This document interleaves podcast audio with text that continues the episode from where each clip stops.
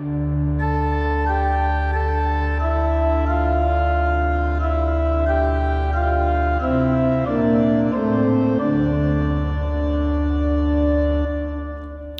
välkommen till eh, församlingsfakultetens podcast. Jag eh, heter Kristoffer Helle och idag så ska jag prata om andaktslitteratur och eh, särskilt Magnus Fredrik Ros och hans betraktelser. Så idag får ni stå ut med bara mig här men jag hoppas att det ska gå bra. Och är det så att ni vill eh, fortsätta och ge ett bidrag till den här poddens fortsatta arbete så går det bra att göra det på Swish.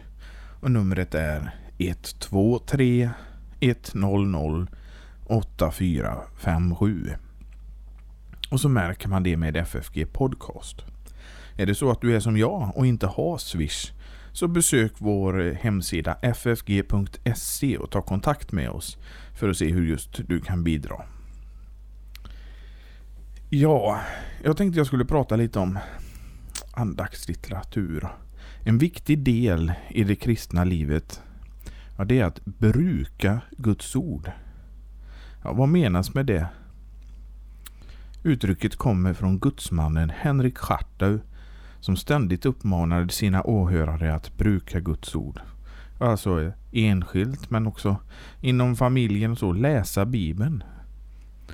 Men eh, att bruka Guds ord är mer än att läsa Guds uppenbarade ord i skriften.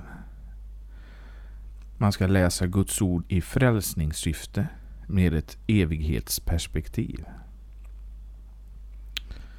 Men det är inte bara Bibeln man kan läsa.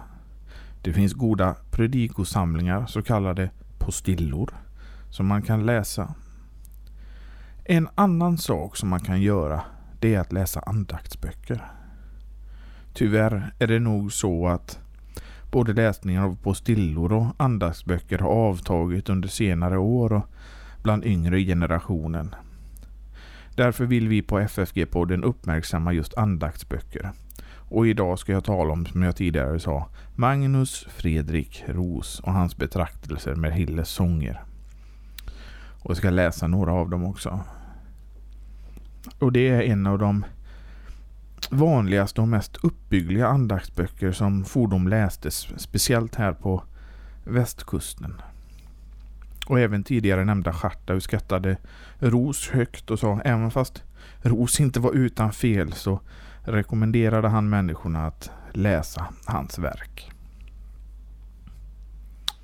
Magnus Fredrik Ros, han var född den 6 september 1727 i Sulzheim-Neckar i den tyska delstaten Baden-Württemberg.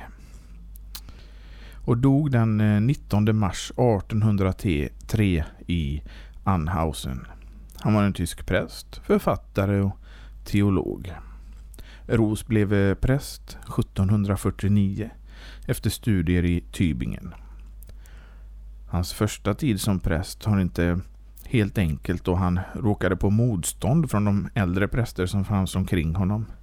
Inte minst för de träffar i hemmen, så kallade konvertiklar, som på den tiden var förbjudet i Sverige men var tillåtet i Tyskland.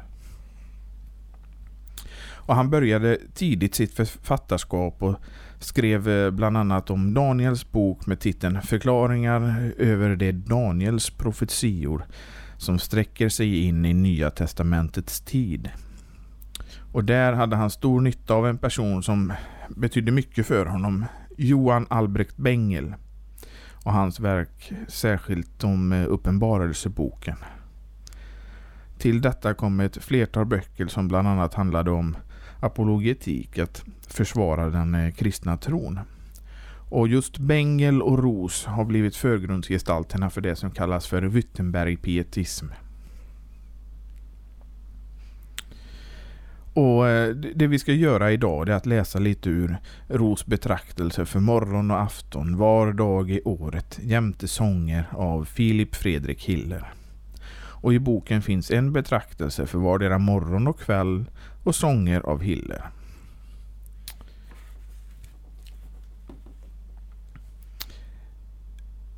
Och eh, Filip Fredrik Hiller han var en tysk präst som under sina sista levnadsår inte kunde predika på grund av ett halsproblem.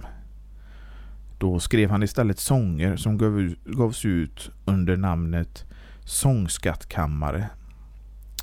Det var dessa sånger som inspirerade Ros att skriva sina betraktelser och dessa skrev han efter Hillers död.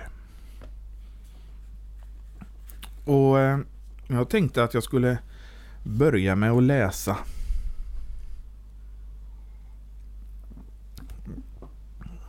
Och då tar jag morgonbetraktelsen för första januari. Som inleder första bandet av två. Gud, dig lovar man i stillhet i Sion. Saltaren 65.2 Med Guds lov bör en kristen börja det nya året.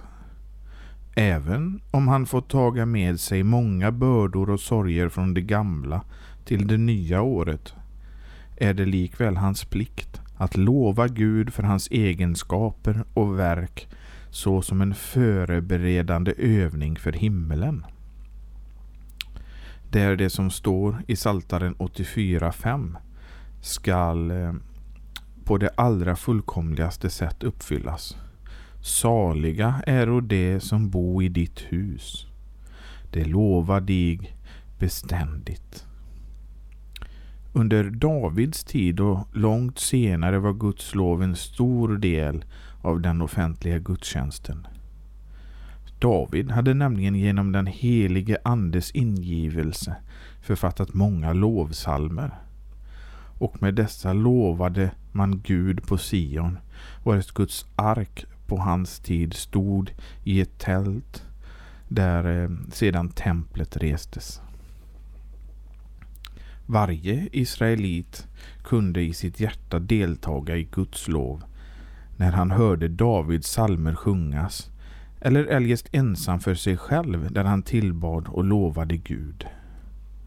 Kände en sådan israelit sina missgärningarnas börda varöver det klagas i Psaltaren 65.4 Mina missgärningar voro mig övermäktiga så kunde offren, vilka dagligen offrades på berget Sion, såsom förebilder påminna honom om Messias offer, varigenom en gräns skulle sättas för överträdelsen och synderna, få en ände och missgärningarna bliva försonad och en evig rättfärdighet framhävd.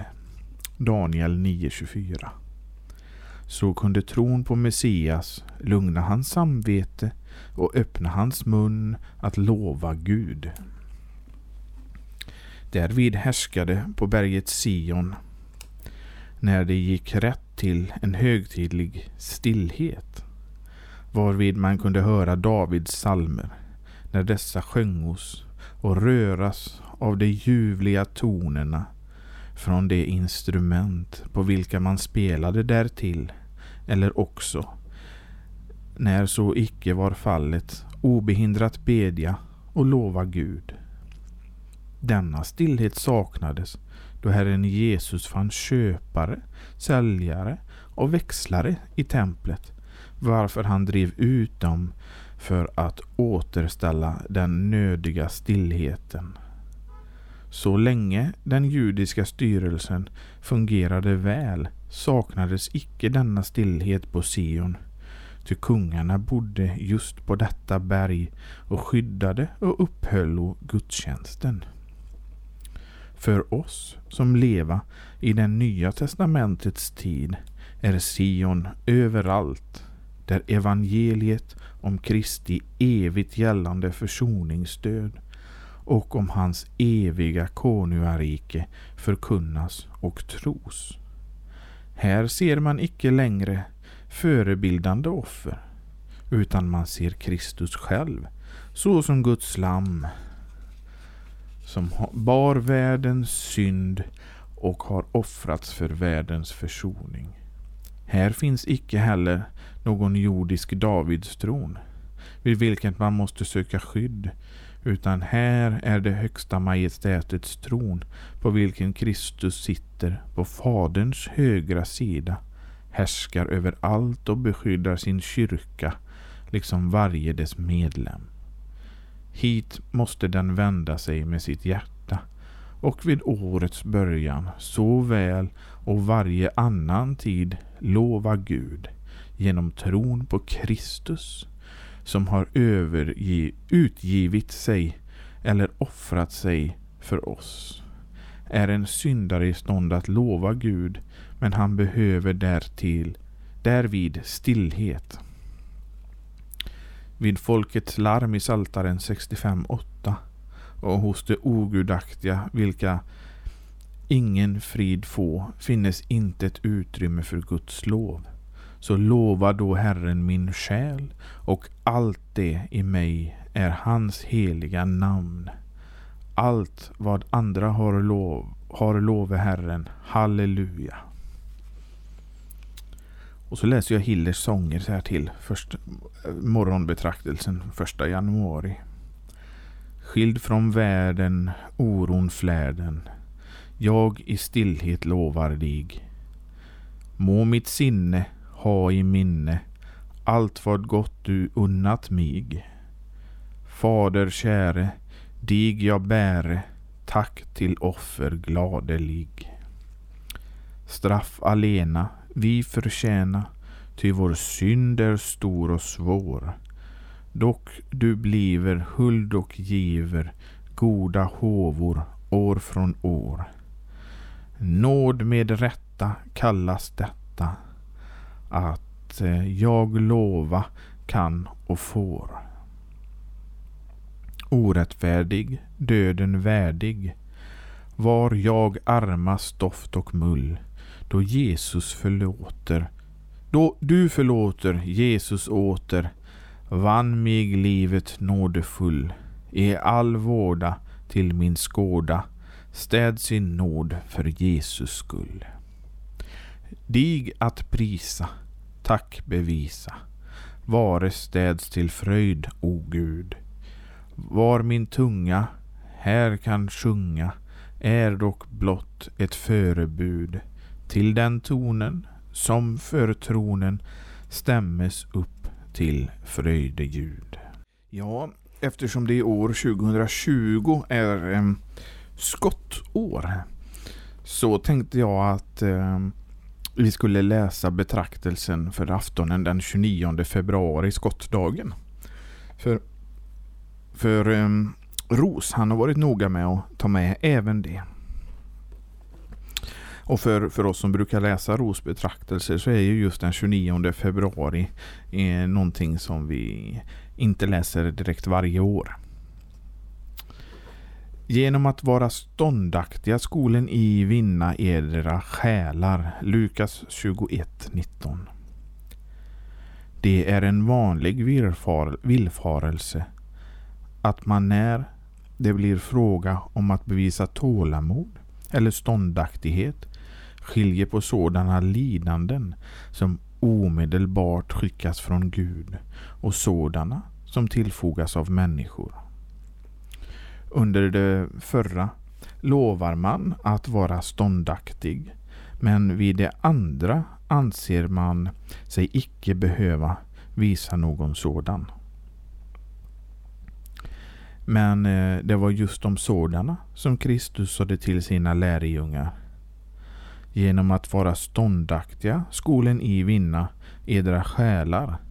Ty han har förut sagt i skolen bliva förrådda till och med av föräldrar och bröder och fränder och vänner och somliga av eder skall man döda och i skolen bliva hatade av alla för mitt namns skull. Det kristliga tålamodet eller ståndaktigheten bör alltså och även under sådana lidanden som förorsakas av människor. Så som ju Job, Moses, och alla heliga under sådana lidanden bevisat stor ståndaktighet. Och när var Kristus som ett stilla lamm som fördes bort att slaktas och lik ett får som är tyst inför den som klippade och icke öppnar sin mun. Var det icke då han av människor falskeligen anklagades, hånades, dömdes och pinades? Du säger människorna göra mig orätt. Jag är oskyldig till det de anföra mot mig. Må så vara, men Jesu lärjungar ledo också orätt när de överlämnades av anförvanter och forna vänner i en tyrannisk överhetsvåld och blev hatade av alla och likväl bjöd Herren dem att bevisa ståndaktighet. Och vem har lidit så oskyldigt som Jesus? Och vem har under lidandet varit så stilla och saktmodig som han? Klagan över att det sker en orätt och eh, förebärandet att man är oskyldig är icke alltid grundade. Många straffas av överheten för sina ogärningar, men få säga som den botfärdiga rövaren. Vi lida vad våra gärningar är värda. De flesta tycka att de är oskyldiga eller åtminstone icke hava förtjänt sig förtjänt ett sådant strängt straff. För vissa blir i samlevnaden mången bannad därför att han bannar, hatad därför att han hatar, tillbakasätt därför att det hos honom brister i trohet, ödmjukhet eller skicklighet föraktad därför att han genom ord och gärningar gjort sig föraktlig och så vidare. Så att det berömmelsen att man är oskyldig måste tystna. När man prövar sig själv med upplysta ögon. Men låt så vara att man förhållit sig så mot sin nästa att man lider oskyldigt, så må man behärska sig, man vare samlad och lugn i ståndaktighet. Varför skall jag då vara ståndaktig när min nästa, som är min like eller ringare än jag och åtminstone är ogudaktig, icke har rätt att fordra detta av mig? Välan, så har dock Gud rätt att fordra det. Att otåligheten i sådana fall tar överhand beror på att man ser endast på människor och icke på Gud som talar onda människor för sin hands människor. Alltså tar dem i sin hand som ris eller svärd när han vill tukta oss. När Jobb skulle prövas av Gud fick eh, onda människor bortröva hans jordar. Men han sade Herren gav och Herren tog. Lovat vare Herrens namn. Öva dig i tålamod under denna pilgrimsfärden. Nöj dig åt att Gud är god, du som främling är i världen. Han dig tålamod befallt, det skall och dig vara givet.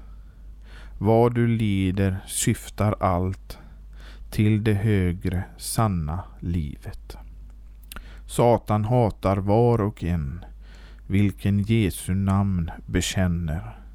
Världen är ej heller sen att beröva Jesu vänner. Men i Jesu fotspår bliv under vedervärdigheten Genom sitt förnedringsliv gick ju han till härligheten. Om dig orätt sker ändå, låt ditt tålamod dig övas annat allt du miste må, blott ej nåden dig berövas. Vägen till ditt fosterland ingen fiende kan stänga. Och hu ur Herren Jesu hand kan ej någon makt dig tränga. Herre Jesu fatta mig och min arma själ bevara att i tillförsikt till dig jag kan nöjd och tålig vara. Trösten flöde städs till mig, ut ur ordets brunn den rika. Hjälp mig att hålla fast vid dig, Jesu, du ej kan svika.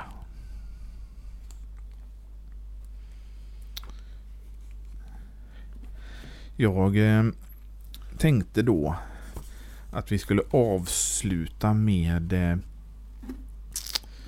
att läsa hur det andra bandet. Och eh, vad passar inte bättre än att läsa juldagens morgon och kvällsbetraktelse, alltså den 25 december. Fadern själv älskar eder eftersom i haven älskat mig och haven trott att jag är utgången från Gud. Johannes 16, 27. När Herren Jesus var född i Davids stad Betlehem sade ängeln till hedarna. Idag har en frälsare blivit född åt eder i Davids stad och han är Messias, Herren. Förut sade ängeln Gabriel till Maria. Det heliga som var där fött skall kallas Guds son. Allt detta fattade snart Maria och Josef, hedarna och alla Jesu lärjungar och betraktade det också, fastän andra människor gjorde sig många oriktiga föreställningar om Jesus. Likväl var kunskapen om Jesu person ännu ofullkomlig hos lärjungarna tills han mot slutet av sitt sista utförliga samtal med dem förde sitt sista lidande, för, före sitt sista lidande sade till dem Fadern själv älskar eder eftersom i haven älskat mig och haven trott att jag är utgången från Gud. I och med det att han sade detta till dem meddelade han dem sitt ljus så att de kunde förstå och tro dessa ord. Han tillade dock för att göra deras kunskap mera klar och viss. Ja, jag har utgått från Fadern och har kommit i världen. Åter lämnar jag världen och går till Fadern. Lärjungarna upprepade första delen av hans ord och sade Därför tror vi att du är utgången från Gud. Och frälsaren tryckte inseglet av sitt välbehag därpå i det att han sade Nu tror i.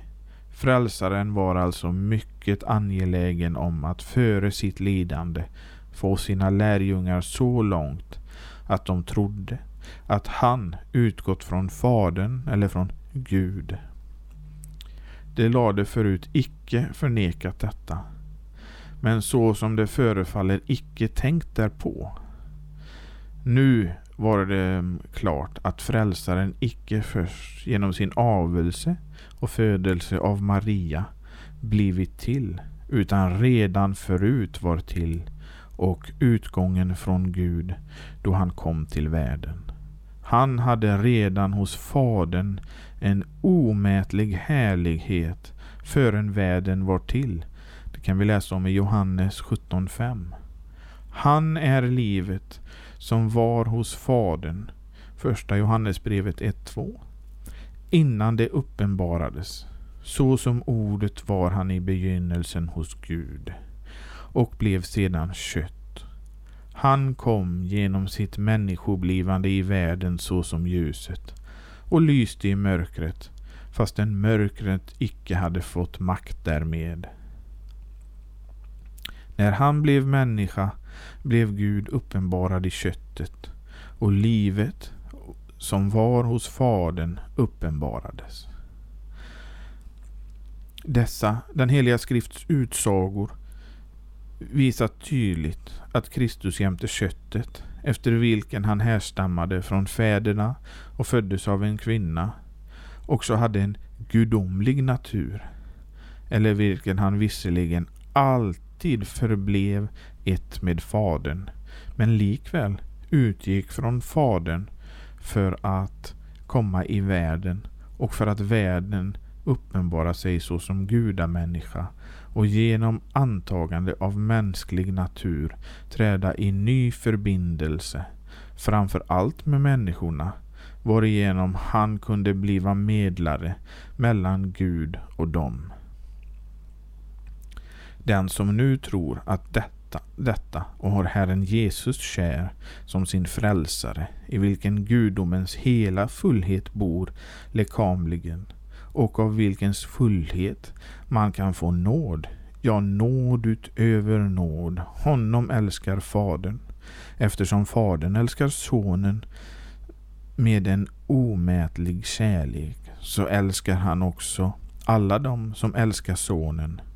Låt dem oss alltså älska Jesus på det att den kärlek som Fadern har älskat Sonen med må vara i oss och han i oss.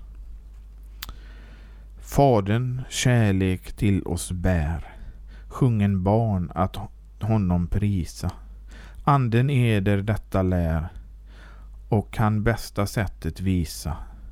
Vittnade att Fadern visst älskar oss i Jesus Krist. Fadern har till oss behag, Sonens blod för oss har runnit. Sonen uppfyllt har hans lag, så att nåd åt oss har vunnit. Tron som ut i Sonen ger, Fadern pris han gärna ser. Fadern kärlek till oss bär, om vi bliva vid det ena, icke hålla världen kär, Jesus älska, tro och tjäna. Han oss älskar fast han slår, barnet det ju väl förstår. Högt Gud fader älskar mig, han vill mina böner svaga och min lovsång låta sig ut i Kristus väl behaga. Fader som mig älskar här, hav i evighet mig kär.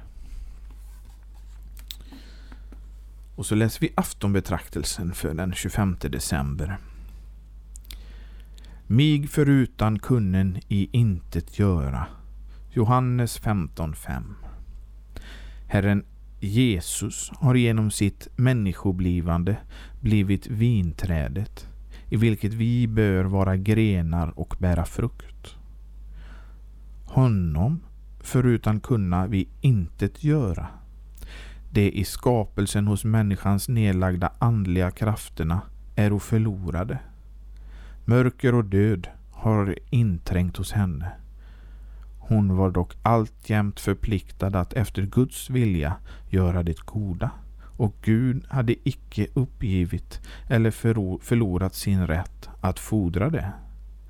Därför gav han också på Sina i berg en sträng lag om vilken Paulus säger att den som gör efter dess stadga ska leva genom den, Galaterbrevet 3.12. Men denna lag kunde icke göra levande så som Paulus i samma kapitel betygar. Den kunde icke skänka människorna kraft att göra det goda och synden blev genom lagen blott så mycket större eller till övermått syndig. Romarbrevet 7.13. Det som lagen emellertid icke kunde åstadkomma i det var eh, försvagade genom köttet eller i sig själv för svag att giva den kötsliga människan krafter att, eh, och upprättelse. Det gjorde Gud då han, för att borttaga synden, sände sin son i syndigt kötts gestalt och fördöm, fördömde synden i köttet hos alla människor genom Kristi död, så skulle synden icke längre härska eller ens finnas kvar, utan lagens kraft uppfyllas i oss, som vandra icke efter köttet, utan efter anden. Har nu synden genom Kristi död liksom dömts till döden, så skänkes oss däremot liv och ljus av vinträdet Kristus på eh, det att så som synden hade utövat sitt välde i och genom döden.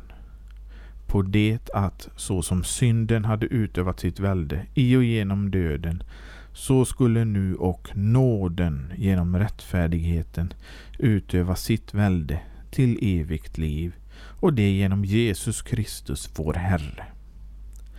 När vi nu idag betraktar Kristus såsom ett nyfött barn i krubban så böra vi tro att i detta barn redan borde all fullhet av vilken vi genom tron kunna få nåd utöver nåd och att han var den, det enda saftrika vinträdet bland människorna vari alla måste inympas som skola sättas i stånd att göra det goda. Denna fullhet förebliver evigt i honom och den förminskas icke av mindre uttömmes genom givande och tagande. Han är också i evighet det av kraft fyllda vinträd i vilken alla grenar måste förbliva för att bära frukt. Genom hans heliga mänsklighet flödar gudomliga krafter in i oss. Men endast den kan glädja sig över honom och få del i honom som både i den första bättringen och sedan i den dagliga andens fattigdom lärt känna att han utan honom intet göra. Ack hur färdig är icke människan att uppbjuda och anstränga sina naturliga krafter för att åstadkomma något som kan kallas gott eller giva henne ett sken av dygd. Men när detta verk och denna dygd belysas henne ett sken av dygd. Men när detta verk och denna dygd belysas av det gudomliga ljuset så blir både det ena och det andra intet, ja mindre än intet idel synd och skymteri. Under sådana försök blir människan arbetande och betungande. Till dess hon kommer sådan till Kristus och överlämnar sig åt honom för att så som grenen i vinträdet av honom undfå allt. När synden än i hjärtat bor, man ej kan Herren tjäna. Hans vilja gör jag när jag tror på Jesus Krist alena. O Jesus give mig kraft att icke utan frukt och saft jag som en gren förtorkas. Förutom Jesus kan, kan ej, jag ej kan i sanning hava livet. Ty livet haver endast han, av Gud det var där givet. O Jesus, giv att jag ej må för syndens skull förlorad gå, mitt liv du evigt vare. Alena Herren Jesus Krist mig det sanna ljuset giver, men annars blott förvillar sig och ut i mörkret bliver. För mig ett ljus och Jesus var, att jag ej blir i mörkret kvar, i livet och i döden.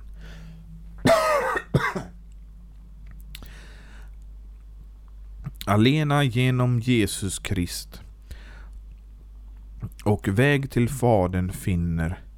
Förutan honom jag förvisst ej fadern, Faderns ynnest vinner. Min väg och Jesus vare du, som är till Fadern upphöjd nu och oss dit upp vill föra. Min salighet förutan fel är Jesus än i döden. Om tron ej har i honom del man evigt bliv, blir i nöden. Och Jesus Krist, jag dör i dig. Du med den makt vill väcka mig, din salighet att skåda. Ja, det var texter av Magnus Fredrik Ros. Och är det så att ni lyssnare inte har ett exemplar av eh, dessa två band så tycker jag att ni ska leta efter det antikvariskt. Och kan till och med vara så att det finns här på församlingsfakulteten i vår bokförsäljning i den antikvariska delen. Så eh, det tycker jag definitivt ni ska göra. Och är det så att eh, ni vill bidra till den här poddens fortsatta arbete, ja då går det bra att göra det på Swish. Och numret är då 123 100 8457 och så märker man det med FFG Podcast. Vi hörs igen nästa vecka. Hej då!